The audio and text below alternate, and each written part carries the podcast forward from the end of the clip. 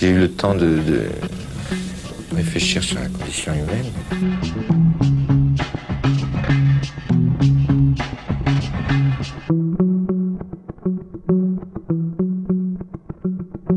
Hi, Mia. Hi. Hi. It's good to have you on Sarde. I'm so happy to be here. Thank you so much for inviting me. It is our absolute pleasure. Um, Mia, just just to just to preface it for people who don't or who weren't really aware about why we're doing this Sarde all together, it's because you have been a well. First of all, you're Lebanese, so you know what a Sarde means. It's part of your culture.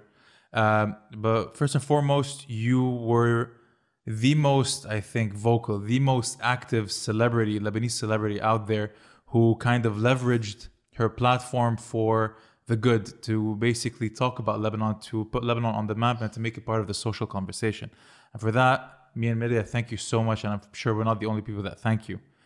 And um, there's, I think the first question that is that I should ask is a question that's usually directed to people that were in uh, Beirut when the blast happened. So when the blast happened, people called me, called Medea, asked us what, where we were, what happened, if we were injured or not. But I feel a question that is often overlooked is where were the expats when that happened? And that's why I wanted to ask you, we wanted to ask you, so where were you? I was at home. Um, first, thank you for asking that. Um, it's a very selfless question for someone who lived it and was in the midst of all of that chaos. So, thank you. That that's a very thoughtful thing to ask. Um, I was at home. I was on a conference call, and I got a text message from my childhood friend back in DC who had gotten an Apple News notification, and she texted me and she said, "Is this real?" And I went to the link and I immediately hung up on the call. I didn't even exit. I didn't say anything. I hung up and I, I mean, I, I started to feel my body shaking. Um, I had been having a lot of anxiety attacks the last few months and I, I felt the symptoms of that starting to come on and I immediately felt helpless. I immediately felt terrified, confused. Um, I didn't know where to go for information. And my first gut instinct was to just start calling people that I know who have family in Lebanon and checking in on them. And then my second instinct was to go to Twitter and start running my mouth. and that's how we ended up here. I haven't stopped running my mouth since. Yeah, it's crazy. I mean, you're using your platform for to, to, to put the word uh, of Lebanon out. That's crazy. That's awesome. I, I, I feel like it's a waste of a platform to do anything but that. It was early in the morning, no? Because you are in LA. Yeah, yeah, it was around 10 a.m. When it happened. Yeah, yeah, it was really early, and oh man, that that day was that day was pretty crazy. It, um, I was really young when 9/11 happened, but I still remember a lot of that panic, a lot of that anxiety, a lot of you know not really understanding what's going on, and it was weird to experience that as an adult when I'm cognizant of my emotions and my just mental health and the state of the world. And to see it playing out in real time was fucking terrifying. It was it was really scary to to watch it all through my phone or through the TV and kind of start to realize holy shit even if i wanted to even if even if i wanted to go over there and help or call people or send people things. I can't. Like you physically can't. Like uh, flights stopped going. Uh, America's on lockdown from COVID. Uh, mail sucks. The customs in Lebanon steals things. Like I ordered uh, a necklace from Joanna Dahdah and customs stole the first one and she had to send me a new one. That's crazy. Like it's a mess over there, and you just feel so helpless as an expat, and then you feel guilty, and then you feel, oh, it, it, it was it's been a lot of emotions, but mostly it's just been it's just been worry um, for the people for the people over there, the people that I identify with more than Americans, even though the Lebanese ide- identify me as an American. Yeah, I mean, in the face of a tragedy like that, it's it's one thing to to be checked on by your relatives and to have people around you that kind of understand what's happening. It's another to be completely removed in a different environment and tell this to people that don't necessarily maybe not grasp the severity of it or might even dismiss it as something you know, oh, that that shit happens all the time in, in the Middle East. Exactly. So they just brush it off. Yeah, they just write it off as, oh, the Middle East is, has always been a mess. This is just another thing on that list. And it mm-hmm. started, I started to become resentful of my friends because like I had, I had a meeting two days after it happened and I was sitting at the table with everybody and I noticed myself dissociating and starting to resent everyone at the table for laughing and smiling and making jokes and having fun. And I'm just sitting there like, how are you guys just going on about your normal lives when this is happening not even a world away just across the ocean and i I- i really had to I, ha- I had I had to give everybody the benefit of the doubt and realize not everyone is as emotionally connected to this as I am. Not everyone has, you know, Lebanese friends or family or whatever over there living through it. And yeah, I, I really started to become resentful of my colleagues and my friends. And I still am a little bit. And I, and I really understand now the whole Black Lives Matter movement and why everyone was condemning people who were just going on about their normal lives on social media just a few days after they posted a black square.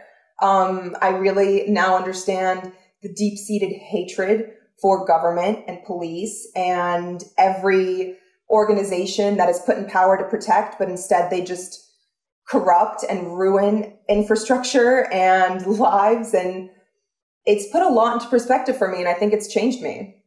Uh, in um, in in France and in Europe, there were um, a lot of coverage of uh, what happened in Beirut. You know, Macron came. You know, you know everything happened.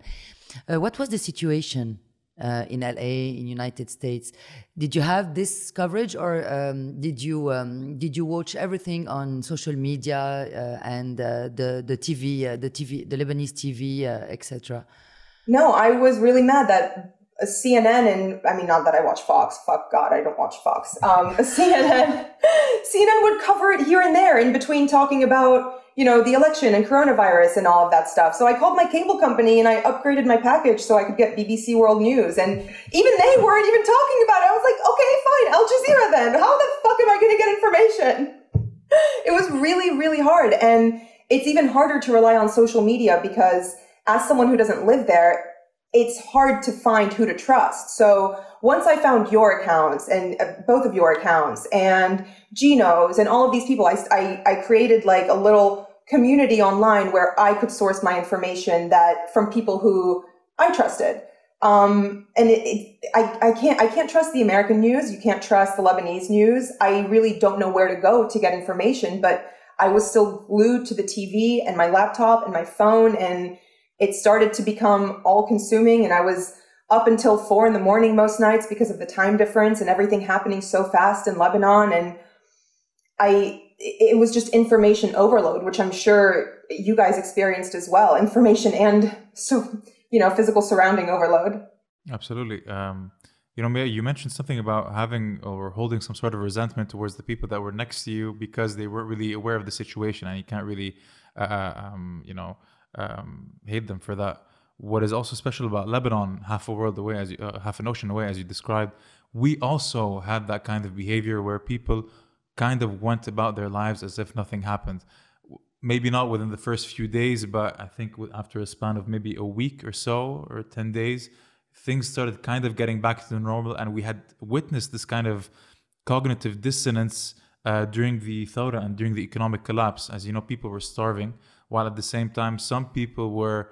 Uh, went to the mountains to Faraya, which is the equivalent of the Hamptons, and just started going about their lives. And not only that, they explicitly said that they just want to go back to their lives, back to normal. And that kind of schizophrenia is even worsened when you had an economic collapse in Lebanon. Uh, 60 or even more, like 80% of the value of the Lebanese lira uh, went down. And some people were getting their money in dollars. So at some point, the Lebanese lira, for those that don't know, was pegged to the dollar. And at some point, the, the entire uh, paradigm shifted. And so some people were just thrown into poverty while others continued their lives. Um, that's just one thing. The other thing would be I think there's something inherently wrong with our society, whether you're in the States or whether you're in Lebanon, where people's attention spans kind of have been shortened or have been conditioned to get shortened more and more. and they just want to go to the next thing, to the next thing. And as as you said, you were bombarded with information. You had to filter through all these crazy amounts of content to be able to find what you want. And I think that that put us all on edge to a certain extent. Um, speaking of resentment, um, I think your relationship with Lebanon is tumultuous to say the least. Um, in certain aspects, it's been very negative, uh, given your history as a porn film actress before. Um, my question to you is, since you've been so vocal and you just threw yourself out there and you you were kind of like a watchdog for us and a watchdog for the international community whenever some sort of illegal thing happens in Beirut and you would just call them out on it. Unfortunately, these illegal things are a dime a dozen, so you had to do that constantly. When the blast happened and when you took that stance to be anti governmental, which I'm sure you were always but never as vocal, did you hesitate before, like before talking because because of how you were treated before? Absolutely not. No, I think that the tumultuousness of the relationship has been one sided. Um, I have never stopped loving Lebanon. I've never stopped identifying as Lebanese. I, I mean, if I could, I would go there for the summers every year in a heartbeat. Um, I th- no one can ever take that away from me. I was born there. I was raised there. It's my culture. It's my heritage. It's my lineage. I'm passing it on to my children, and there isn't a soul in the world that can stop me from doing that. That's awesome. كنت كب- Oh, I'm gonna talk to you in Arabic. Okay. so كبرتي بلبنان خلقتي بلبنان Eh, ببيروت اوكي وقد ايه صار لك بامريكا؟ since 2001. اوكي Yeah, so 19 years. but when it was And safe, how old are you? Uh, I'm 27, and when it was safe, uh, we used to go back in the summers, and I, I mean, I have the most incredible memories of Beirut, and you know, I still have some friends there, and I, I mean, it's been, it's, it has been a very long time, and it's changed a lot since I left, but I want to go back. Do you still have family in Lebanon? No, no, No? we're all in the states. So uh, when when the blast uh, happened, you all, uh, you only called your friends. Yeah.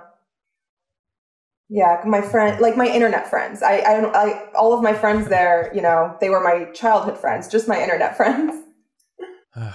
it's it's it's you know it's just crazy i think the world we live in um the other time I, I spoke to someone and we were just talking about how absurd everything has become and how thankful we are for really uh, again I'm, I'm not gonna you know hide behind my finger but you have really did went, gone above and beyond to help the lebanese cause uh, whether it's by uh, donating copious amounts of money uh, through charity or just by raising awareness. Um, I think this begs the question uh, about the glasses, right? You created an amazing campaign whereby you auctioned. Oh, there they are. okay. Uh, so you just showed us your glasses. Um, so you created this campaign whereby you you wanted to auction them off. Um, can you tell us more about the whole process? How did it start, and uh, you know where we are now? It actually started, uh, I was in the car with my friend and um, I ran the idea by her in a very like, is this gross? Is this a weird thing to do? And she was like, if you don't do this, I will steal them from your house and do it for you in your name. And I'm like, okay, okay, that's all I needed. I just needed the push because I was really, I was really worried about the connotation that goes with the glasses. And I didn't want to drag Lebanon through the mud even more than I already have. Um, I'm very, I'm very ashamed you of. haven't, Mia. Sorry. You really haven't. You haven't. I, I, I, I can guarantee you. At least this is my own personal opinion. I don't believe you dragged Lebanon and the ground. Mia, Medea, do you believe that? I'm a woman, so uh, I don't think that. Uh, uh, هلا أنا بين الإنجليزي والعربي كتير صعبة لإلي لعبر you know I'm I'm French educated so it, it's it's hard and um, you're a woman and you're free to do whatever you want and uh, this is my opinion since since uh, day one and since the day that we discover who was Mia Khalifa and uh, glasses are not glasses what you did for Lebanon it, it's amazing. It's the purpose that it's important. It's Absolutely. not it's not the way that you did it. It was it, it could have intention. been uh, you know كان في eh, we don't care. What you did it's amazing. And that's what we talked about in our last uh, podcast comparing you to Shakira okay who is very known. And uh, she, she she waited for uh, she waited for Zuhair Murad to offer her a T-shirt, and this is it. So That I made me so to see- mad. I was so disgusted when I saw her finally post the T-shirt a month later. Yeah. I wish I could take back every royalty I've ever given that bitch from listening to her music. but she not she's not yeah she played with her uh, uh, uh, uh, Lebanese nationality. It, it was just a make game. Yeah, she appropriated just it a when it was convenient and when, you know, it benefited her and when it benefited her global recognition and did not step up to the plate when the time came and her she has Lebanese blood in her and that I, I have oh, I have chills right now. And I'm stress sweating. I hate talking about this. It makes me so mad to see people who have so openly, you know, accepted the Lebanese culture when they were on tour or when they were releasing an album or when they used, you know, a sample of a Lebanese song in their in their big hit like Jay-Z did. Like, well, actually no, Jay-Z even donated more money than Shakira. So it it just makes me mad. It makes me mad because we owe it to Lebanon. That is our only role as an expat. It's it's that simple. Yeah. So going back to the the, uh, the infamous and now famous glasses. Um, so you, you decided to speak to your friend about it. You got the green light from them. Is your friend Lebanese, by the way? No, she's not. She's very American, which was another reason why I was like, eh, do I trust you? Well, you, you did good. You did good. Um, so so you sold them on eBay, correct? yes, we are on the third bidder right now. The first one was a scammer. The second one didn't respond in time because eBay only gives you seven days. And now we are waiting for the response. And if we don't get one after, I don't know, bidder number, uh, there's 10 bidders within within like 90,000 and then it goes to the 80s. Um, and if they don't respond, then I'm just going to put them on sale and the first person to buy them gets them. Um, so the glasses were not the first thing that you kind of auctioned off, or the things that you decided to to uh, put shed a light on while uh, raising funds for uh, for Beirut for Lebanon. Um, we saw that you went did a live stream, right? You did a live stream with uh, uh, by replacing your Lebanese forces tattoo, correct? So were you part of the Lebanese forces before? Was I part of them? No, I can't even or- spell the word in Arabic. I was blindly following. I am Christian. I'm a Maronite. I am Lebanese. I thought that the Lebanese forces symbol was a symbol of nationalism if you're Christian. So after the airport got bombed in, no, it wasn't after the airport bombing. It was after it was in 2014 after a really big tra I don't remember exactly what happened, but I remember after I heard about that, you know, I didn't have a platform, I didn't have anything. The first thing I thought to do was I need to feel closer to Lebanon. I want to feel more connected. So I ran to a tattoo shop when I was living in Texas and I got the Lebanese Forces tattoo. Um, and as I grew older and as I grew a platform and people started calling it out, I was like, oh, is this racist? Oh, did I? Uh oh. I should probably get this covered up. And this felt like, I mean, it, it, it was never a better time, especially with everything happening with the political parties there and me, like, just me learning more about the corruption and about the system and about how it, I mean, it just needs to be rebuilt from the ground up. Um, it, I mean, it was a no brainer. I needed to cover it up. I felt ashamed walking around with it. You know that we call it salib mashtub in uh, in Arabic. See, exactly. I'm not part of the Lebanese forces. I didn't even know that. You know, you didn't know that when um, uh, this this relationship uh, to Lebanon, uh, you, you had it. Uh, you had these feelings when the Thawra started Yes. last October. Yes. D- Did you do something at this time? I didn't really do much did other than talk on social media. I mean, there wasn't really much that I could do from where I was. The protests were, I mean, it was around the time when protests were happening all over the world. And the only one that stuck out to me was the Lebanese one and just seeing everyone convening in the streets and singing and just being patriotic in, in a way that felt, that felt appropriate, not in a way that felt like,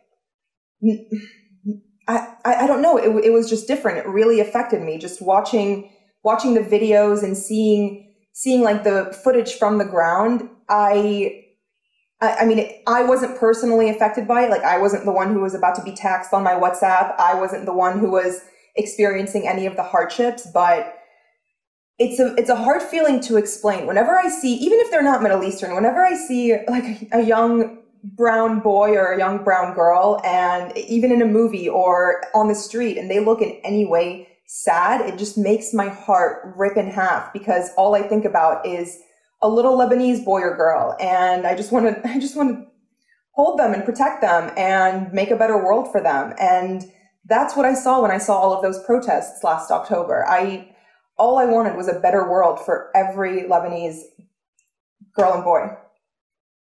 Are you aware of um, about the reaction of Lebanese people when you started to do uh, what you did uh, after the blast? You know that the your uh, the the most important fans that you have are women. Really? Yes. I didn't know that. Yeah, but you have to know it because when I talk to my to my friends and when I told them that uh, I want, oh my God, you emotional. Okay.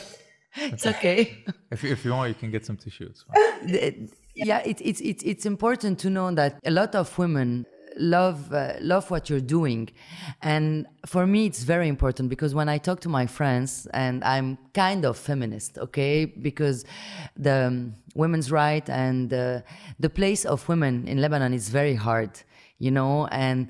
Uh, I never, I never understood why they were so haters when, uh, when, when we discovered you, you know, uh, as a, as a adult uh, film actress. That's why we said. Yeah. I prefer this uh, this uh, terminology, and um, I didn't understand because I think, for my in my opinion.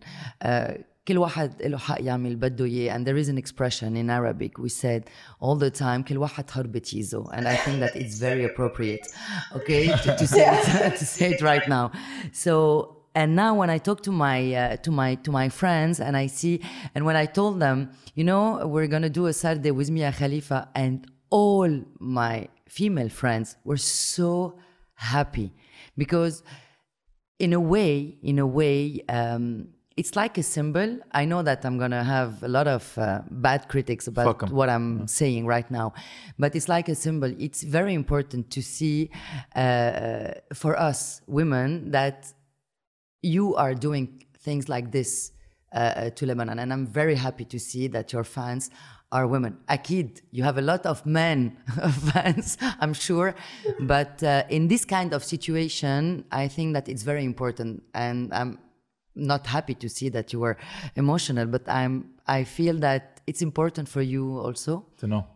Thank you. I, I really appreciate you telling me that. Um, I've gone, you know, my entire life, the last six years, thinking every Lebanese woman hated me because they get told they look like me if they dare to wear any glasses.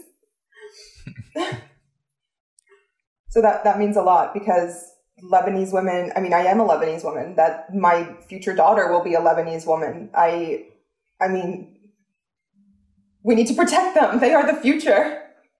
You're right. And we, we said, uh, I know that Mouin doesn't like this expression, Thawra Unsa. You know that. The revolution is female. Yes. Yes, it is. It's not, it's not that I don't like that. It's it's I, I do believe part of the revolution is a female revolution. I just don't like the the whole idea of of We can say calling it a 51%. female a female revolution. But obviously, obviously there, there there's a big part, and this is also one of the mandates of Minteshreen, where where we prioritize the women, uh, the Lebanese women that were for the longest time treated as second class citizens, whether it's socially, whether it's religiously, or uh, economically even. Um, but yeah, like I'm, I'm sure most of the hate that you received or you were under the impression w- were from women, but I feel a big part from the hate was from these religious figures that decide to kind of, um, you know, just attack a person if she, or sorry, attack a woman if she strays away from, you know, from the norm or she does her own thing, or she exhibits her body in a specific way, or even if she leverages uh, uh, the hijab in in in a different way. Um, just putting it lightly, but but what I'm trying to say is, um, these religious figures are the reason why you felt so kind of uh, uh, exiled, and they're also part of the reason why we're in this current situation because religion right now has ingrained itself in the most nefarious ways in Lebanon and kind of um, just made things a lot more complicated because in the States, for people who don't know uh, Lebanon in the States, if someone you don't like makes it to office, you just wait their term and hopefully you elect another person that kind of abides by whatever vision that you have. Um, I can attest uh, to the states. I don't know if Donald Trump is going to be uh, elected or not, but and maybe we can get into that later. but in Lebanon, it's a, it's a bit more special because if um, let's let's say uh, Medea is uh, is is doing her term, Medea sucks at her job, and we want to vote her out. If Medea is part of a spe- specific sect, um, her kind of political discourse would be guys you have to keep on voting for me. If you don't vote for me someone from a different sector someone from a different religion will eventually take my place and your voice on the political discourse will be completely uh, muted. So the, that kind of fear mongering tactic um, is used or is leveraged by these religious uh, figures. So we're all kind of affected uh, to a certain extent by um, just bastardizing religion and using it to nefarious ways. So, um, so th- that's what I wanted to say about that. Yeah, I saw this Abuna in Australia give a sermon about that, and it was it was so touching. It was so perfectly put, and to come from a religious leader who Maronites are supposed to respect and listen to and not question, and seeing him say those words and have them turn around and say he's crazy, he's, you know, losing his mind. That's when that's when you know it's not about religion at all. At all. They don't care about the religion. They, they care about the power they and they care about the positions. And and and did you see what Samir Geagea did after that? He talked about it uh, almost 20 minutes, For 30 20 minutes. He did. He sounded like he sounded like a putrid foreskin. I, I can't. No, it's crazy. Um, so talking about using religion for, uh, I was sure. I think yeah, I think that's a good stepping stone to to kind of uh, that's a good segue. Uh, talking about using religion, um, from from what I've seen, um, you um, you obviously were an adult film actress that kind of uh, used the hijab in uh, in your porn movies, or in so, sorry your adult film movies, and um, you had a lot of blowback for that. Um, I don't know the details about how and why. I, I think I'm going to leave you the floor to do that.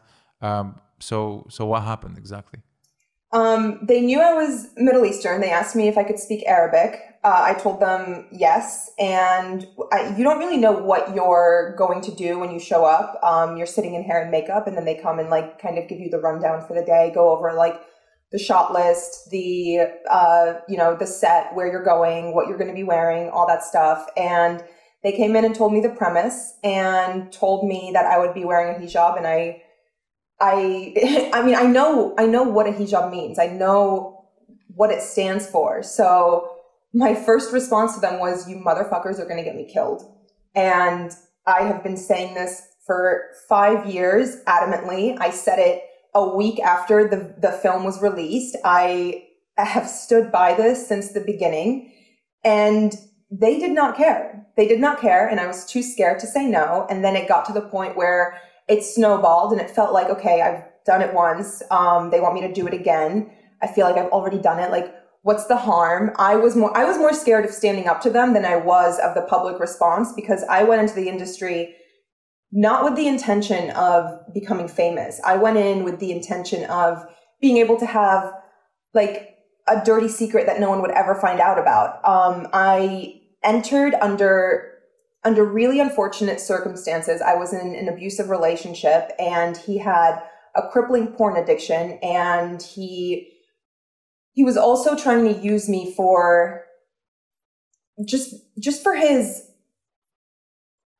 I, I, I don't, I don't want to use the wrong word for it, but I was kind of the pawn in his fantasies. And that was one of his fantasies. And when you're, you know, young and in a relationship and have been married to this person since you were 18 and, you know, all you need is their validation and their love, you won't say no to them. So I entered the industry for the wrong reasons. And then I stayed in longer than I should have because I was scared. I left him around the same time, and Sorry, I how, how old were you when, when when you did the film? I was 21, but I was married at 18, and we had been together since I was 16, and he was 23, which was red flag number one. Unfortunately, I'm colorblind, apparently. Um, so at 21, I was in an industry that I was not, I should never have been in, and I was in a relationship I never should have been in. And around the same time, I left both of them. And I stayed in the industry for about two months after that, just because I didn't, I didn't know what else to do. I was on my own for the first time in my life, trying to find an apartment, trying to find a normal office job, trying to kind of milk those paychecks that they gave me every week, even if I didn't film, until I found a job. And that's when I handed over my resignation letter.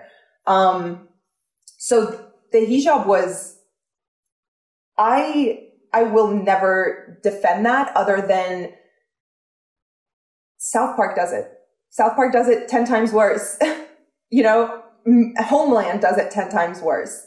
I've kind of I'm not I'm not defending it, but at the same time, I really don't think that the response was equivalent to the action because because it had a face. It had someone that they could scapegoat it to as opposed to let's say an entire production team. And that's okay. And that's okay. I i do take responsibility for creating a genre that had never existed before and for fetishizing something that is so sacred. But you know it's happened to chris like there's there it's disgusting but there's videos of nuns. There's video like it's it's a, it's all over the place. It wasn't just the hijab. Unfortunately it was the first time that someone could be recognized wearing it and i i was the scapegoat. And i mean i've been bearing that sword for six years and i'll continue to bear it and i'll continue to apologize to muslims about kind of i don't, I don't know. I, I really feel guilty about the muslim women who wear the hijab and who get hate targeted because of me because they look like me in any way or they get hate comments because of it, like, oh, Mia Khalifa, Mia Khalifa, when, oh God, when I know that that is something that they would never do. They have never seen it. They are so far removed from that world. And for them to be called that is just so fucked up and disrespectful. And that's what I feel guilty, guilty about. I don't feel guilty about the men who are offended. I feel guilty about the young women who get called Mia Khalifa when I, I, just hate that they're sexualized for having done nothing wrong. Well, well listen, um, people are fucking assholes, and whether it was you or if it was someone else that kind of pioneered this this uh, this genre, people are still going to to you know to be assholes and to constantly compare um, women wearing the hijab to you or another person. So you can never really control that. I think what you did is you apologize for it. You know, you uh, like you said, it's something that you had to bear and um, you know don't don't in my opinion you shouldn't really kind of always beat yourself up on it. I think you've made enough amends in my, in, in my opinion. Um, i think i think people need to just move on and realize uh, in my opinion i think what, what's going to happen is you will hopefully be remembered for the all the good that you did during the blast by giving copious amounts of money, by talking about the country, by just shedding a light on a place that has been so obscured by evil and, and darkness. And, you know, you just did a good thing. And I feel like a good deed, you know, might not completely overshadow maybe the bad, but at least it's, it's, it's something and for that i think we'll always be thankful between me Medea and all our friends we thank you and, and you have you have I, I i don't know but if you know it but you have to realize that um, most of the people that know you, they didn't watch your movies. I'm one of them, okay, because it wasn't my uh, my uh, uh, idea in the beginning. I it's not my it's not it's not not my thing but i didn't watch the movie and i know now that around me when we talk about you and what you did for lebanon uh, the discourse is, yeah the discourse is, around mia khalifa is completely different it's it's it's different so personally i don't care what you did before and it was I, I I'm sure that it was hard because it is if you did it because you wanted to have a dirty secret, like you said before. Uh, it's not a secret anymore, and uh, and People know. People, I don't know. so, so really, people talk about you today, and a lot of people didn't know who you were before uh, before this awareness and before this uh, uh, um, thing about your glasses and uh, the, the money that you want to send to the Red Cross. So I think that, like said Mouin, uh, uh, now people know you about uh, the good that you did. Thank you. and this is, I think, very important. And uh, this is why we wanted to have you in Sarde Thank you. because because um, we know that when you are an expat, uh, like you said before, um, you were you were feeling guilty uh, because you weren't there. But there is also okay. We had we all have uh, um, a trauma. Okay. On different levels, you have the people that uh, lost uh, someone, the, the people that lost everything, people that lost their houses or have been injured, but you have the trauma of the expats. And it's very important. And what we see uh, today um, with you and with all the people that we know abroad and trying to help and more than lebanese people here in the country it's very important for us because it uh, it gives us uh, strength to continue Mia our Khalifa fight for president. yeah, a lot of people are saying it. Really, I don't know if you see the comment when we post something on Instagram. I receive a lot of comment about women, always women saying, "We want Mia Khalifa for president," uh, and you're Maronite, so you can do it. you can run for it. I knew it would come in handy one day. And w- will you come uh, uh, soon when um, when uh, you you will be able to do it? As soon as soon as I can.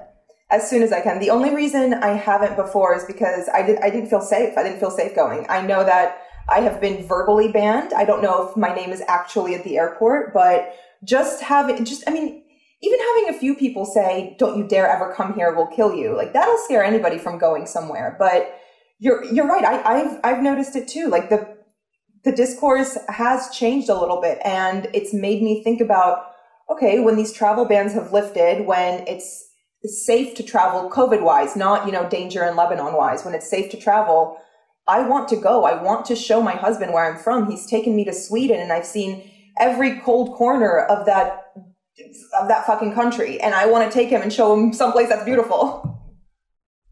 Where- I'm just kidding, where would Sweden's beautiful. Wh- Where would you go uh, if you went to Lebanon? Is there a specific place or like a monument or?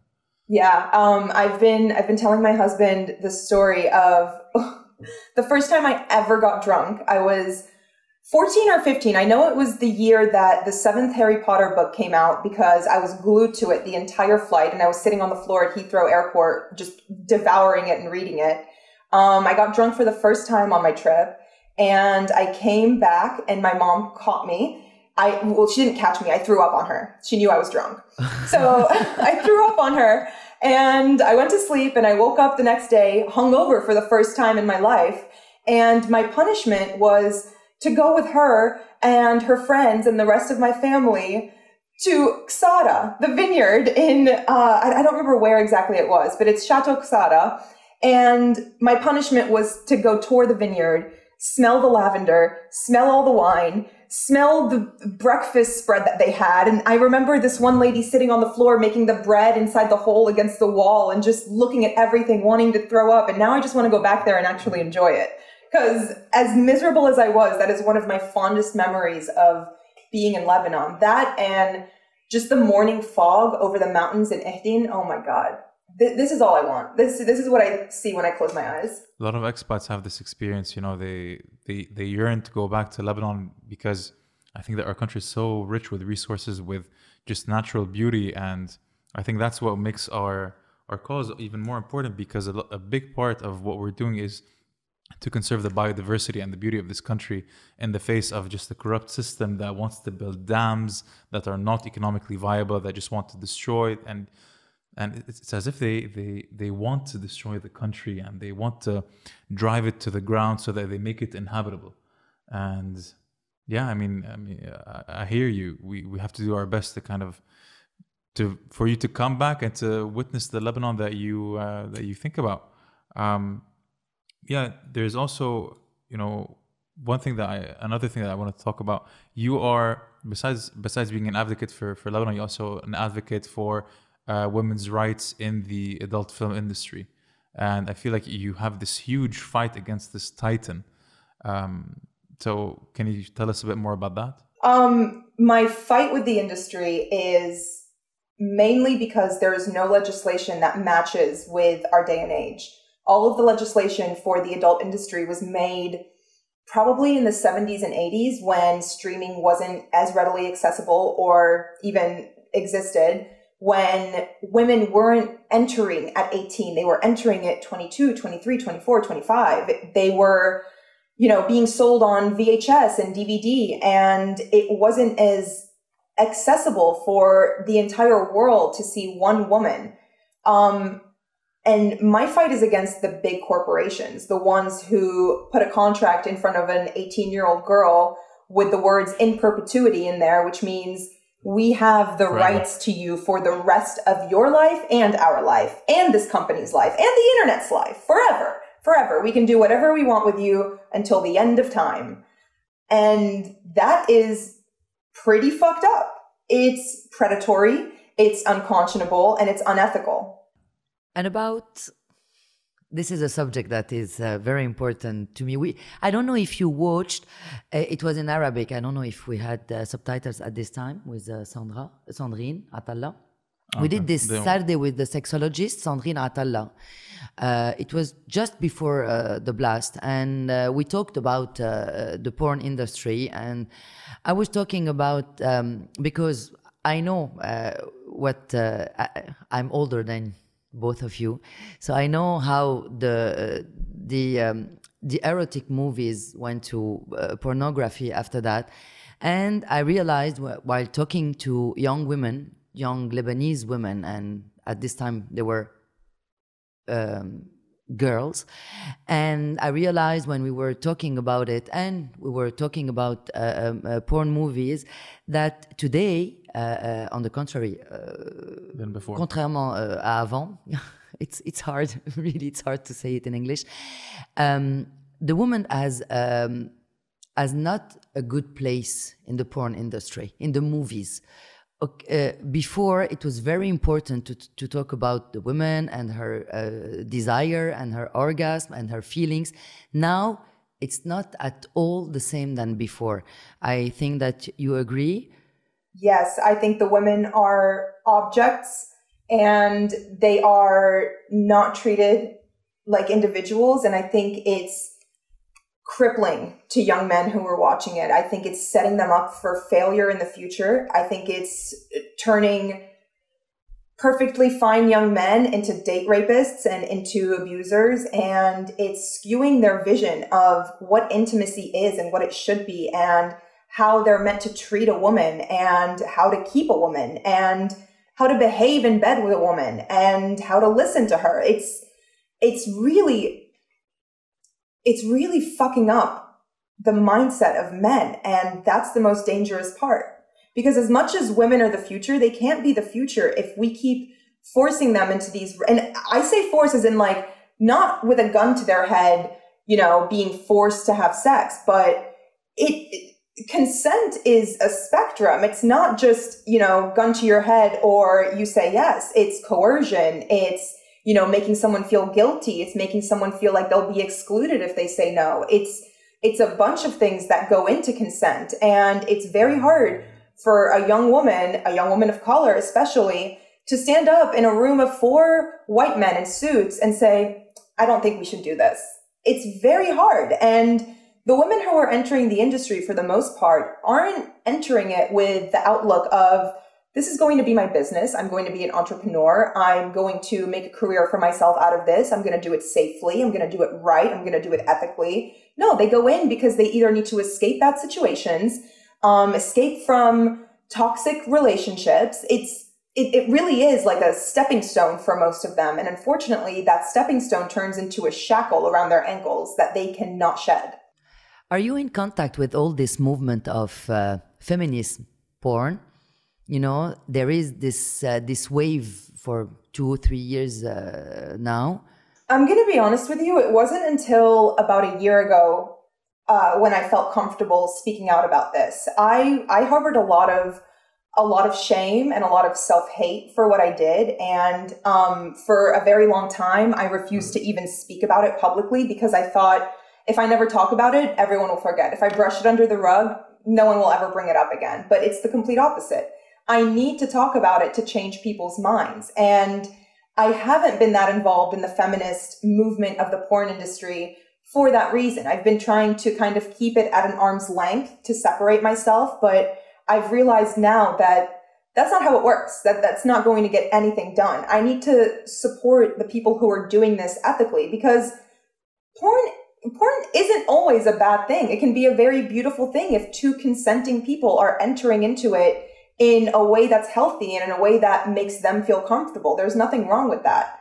Um, and I'm seeing a lot of like female owned production companies where they don't have any men on set. They don't, you know, they don't have male directors, producers, nothing. It's all women. And that's beautiful to me. And I'm even seeing male performers headed in that direction where they're emphasizing the the the concentration on sensuality over kind of dominating a woman just for the sake of dominating her. Not not in a way that's like not in a way that's playing into a fetish where they're both consenting, but in a way that's degrading. And I will credit a performer. His name is Owen Gray. He has he has pretty um pretty ex- like explicit and hardcore videos, but at the same time, you would trust him with your drink at a party.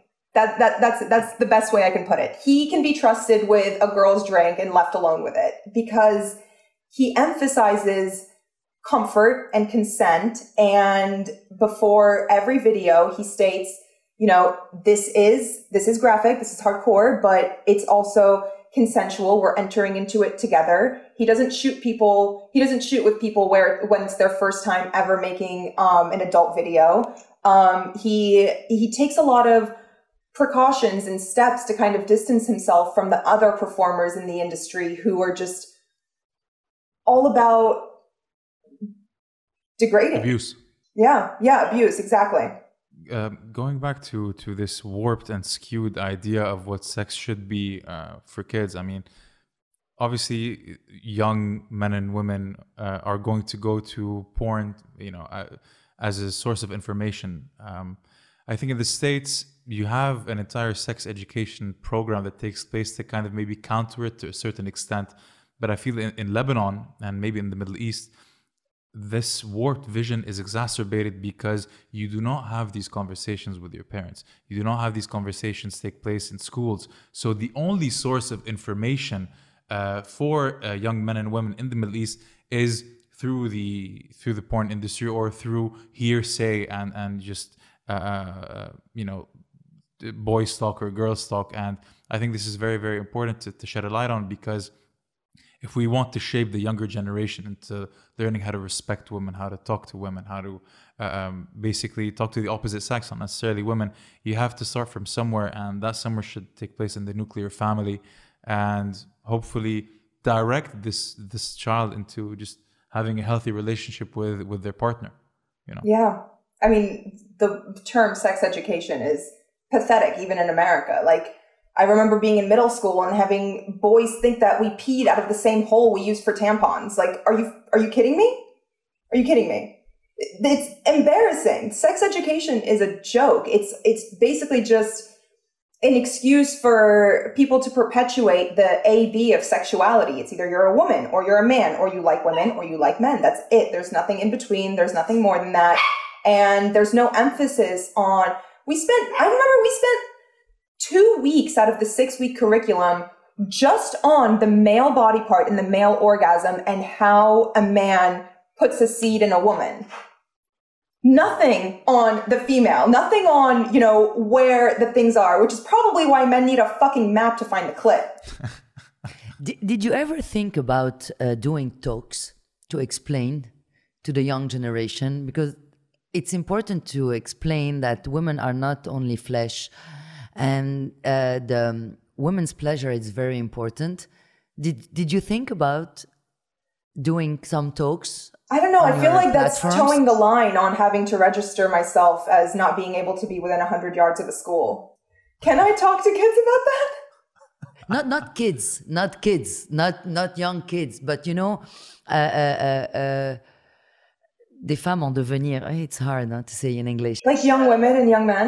young young women 18 19 20 years old that they don't they don't realize how uh, how their pleasure is important because i i heard so many stories about girls telling me i'm, I'm going to tell you an example i'm going to give you an example I was talking with my uh, with uh, my best friend's uh, daughters, and they were they were 16 years old, and they were saying about um, a guy who was uh, in school with them that uh, it was uh, her um, friend with benefit. And I, I asked her, okay, at 16, what is a friend with benefit? I, I don't I don't understand. And they told me, they told me, oh, it's okay, yeah, it's just uh, you know, we do some. Um, blowjobs, okay, oral sex, and I say okay, and you, and say for me nothing. So it was uh, friends for his benefit. Yeah, yeah, yeah, yeah. It's still like this, and they didn't realize how important was their pleasure. It's very important to explain this to young women okay because even if they are 16 17 18 years old and they are in schools where you talk about sex uh, this this kind of conversation they barely exist between girls and this is this is because um, of this thing about porn that I, I call I call this generation the porn generation because now it's not like before. Before you you had movies, entire movies. Now you have sequences. Yeah. Uh, and you had you had movies and they were a build up and they always talk about women and women was in the center of the um, uh, the, the movie now you have sequences two three four minutes and most of the sequences on Pornhub or all the platform, uh, the porn platforms are not. Uh, women are not here. The pleasure are isn't here. So that's why I asked you if one day maybe you you you could um, you could have a talk on your platform to explain the importance of the women's pleasure.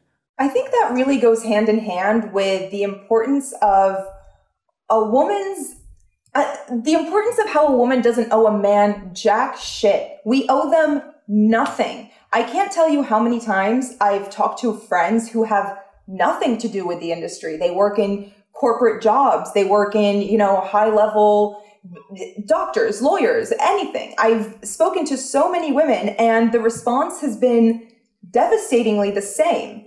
They have all entered into an act of sex with a man who they didn't want to enter into. They just felt guilty. They felt like they owed it to him. A friend of mine told me recently, actually, a couple days ago when we were talking about this, that she once had sex with a guy in college because he let her use his printer and she felt like she just owed it to him. And she's not, you know, this like sex hungry person. She just felt guilty that he offered her up his printer and she was able to use it. So she felt like she owed that to him, which is devastating and goes hand in hand with the, you know, the young woman who has a friends with benefit, but it's only for his benefit. Like, what, what, what, what, what, what is going on? What is going on mentally to where we feel like we are not worthy of a man's attention unless we have something sexual to offer? I think another problem that arises is the problem of virginity. And I think that also falls in line with this entire disinformation campaign, where women usually subject themselves to anal sex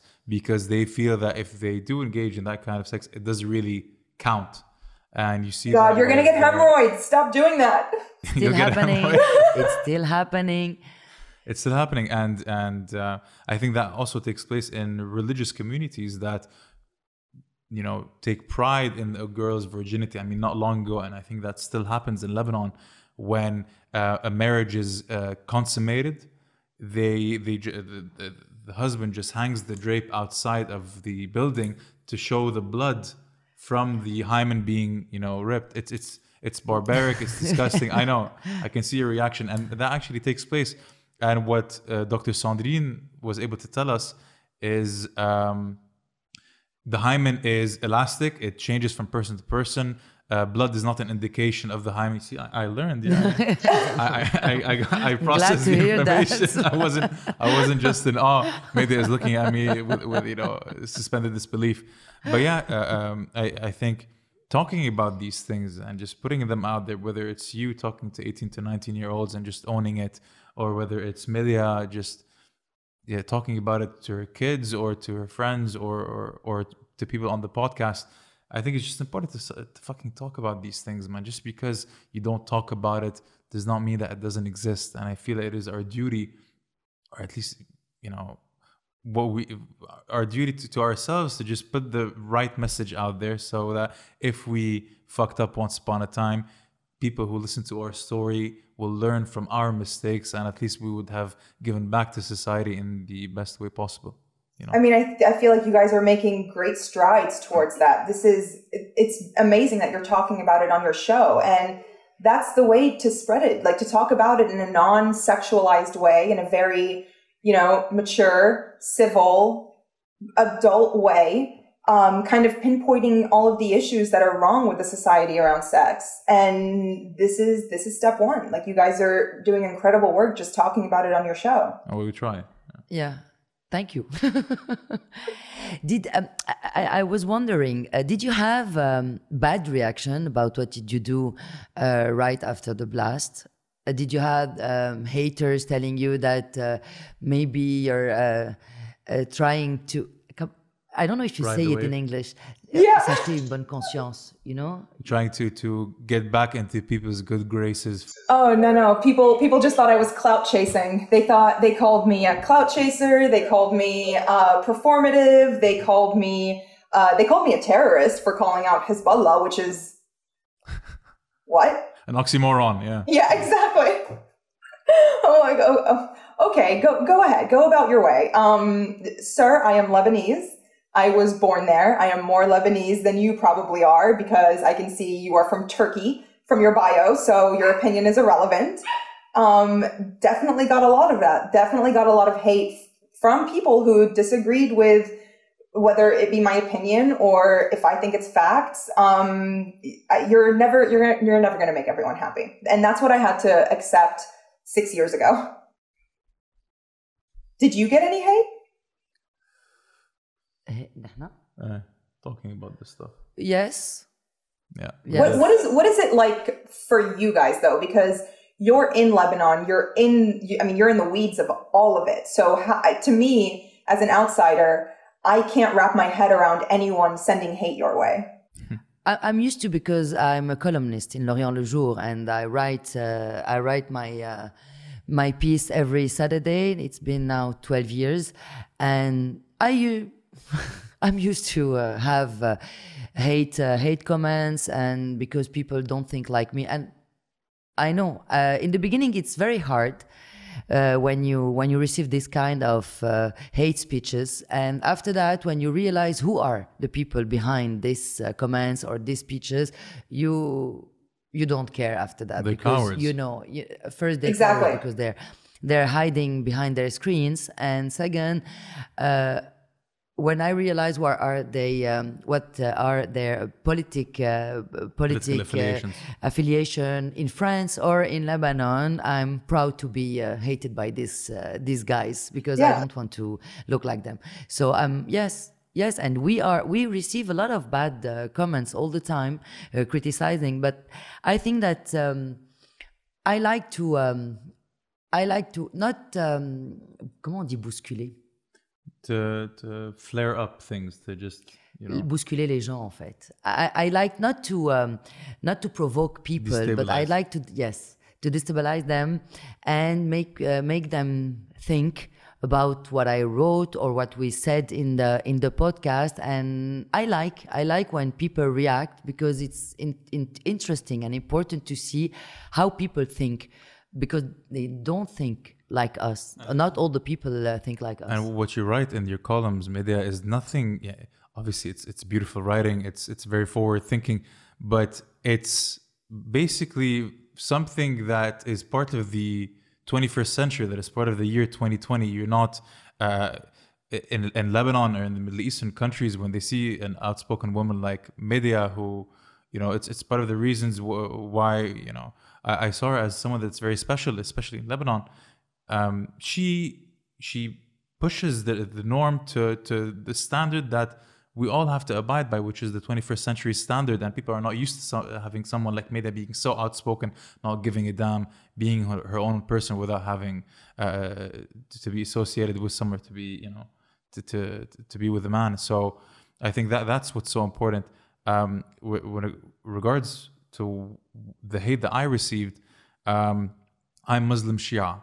And unfortunately, most of the most of the international community and a lot of people in Lebanon usually think that if you're Shia, you're de facto either with Hezbollah or you're with Harkat Amal, which are the two most notorious parties because they have guns and weapons and are holding the country hostage. And when you have someone like me or someone uh, that is from the same creed that kind of talks a different kind of narrative that doesn't talk the narrative of Iran, that doesn't talk about the narrative of, of hatred and just complete. Uh, um, Islamification of Lebanon. They see it as uh, an attack on, on their identity. They, they see Shias, if you will, kind of like how people saw black people in the States. Like, oh, if you're black, you must like Obama. That's not that's not the case. And in Lebanon and with the international community, if you're Muslim Shia, you are guilty until proven innocent. So you're either with the Hizb or with Haraka until you uh, say otherwise. And when I started talking about this kind of new narrative that pierced through the entire sectarian agenda that they have peddled us for the longest fucking time. Uh, I did get a lot of blowback, and I, to be honest, I kind of relished in it. I enjoyed it because, just like Miriam, she, she, she likes to to uh, destabilize people. I like to destabilize them in a in a tasteful way, meaning that if the you know if I destabilize one person and you know, he had a very loud and violent reaction and started sending me death threats on on Instagram or what have you. There's there must be some other person that wasn't loud that was able to listen to what I was saying and that kind of maybe validated his thoughts because for the longest time maybe he thought he was the only one that was thinking that. So I'd like to think that the more you talk about this, uh, the more you break stereotypes and the better kind of society you can uh, create. Now, I'm, I'm, I'm I'm not blowing smoke up my own ass. Let's just be very clear. Maybe no one is listening to the podcast, but based on the feedback that that, that um, we're getting, we're actually, uh, you know, um, changing the narrative, so to speak. Whether it's by talking to you, whether it's by, with media talking about feminism in a different light in a Middle Eastern country, I think we're doing something pretty cool. Yeah, you guys are doing incredible work, and I got to say, there is nothing stronger than a Lebanese woman, and you are the you epitomize that, Medea. Thank you. You are a badass and you are very intimidating. Um, I think I think we've reached the end of the podcast, right? I think that's um, that's a good wrap. Um, Mia, is there anything that you wanna tell the Lebanese people since we have you on here? If you have any specific message that you wanna tell us? I love Lebanon. That I have nothing else to add. You, I mean, you guys have you guys say enough on your show. I just want to say that I love Lebanon and can you warm up a lahma bajin for when I come? and I promise, and we promise that we'll take you to Ksara and have a glass of wine there. Oh my God, I'm gonna cry. Okay. Again. Oh my God, you guys are making me look like a little bitch. we'll do it. We'll do I would it love that. I'm gonna hold you to that. I would love that. So we're waiting for you. We're waiting for you. Uh, I'll be there as soon as so the much. travel ban is lifted. All right. Thank we'll you guys you so much for having me on. Thank you for being awesome. See you soon. Bye-bye. Bye, guys.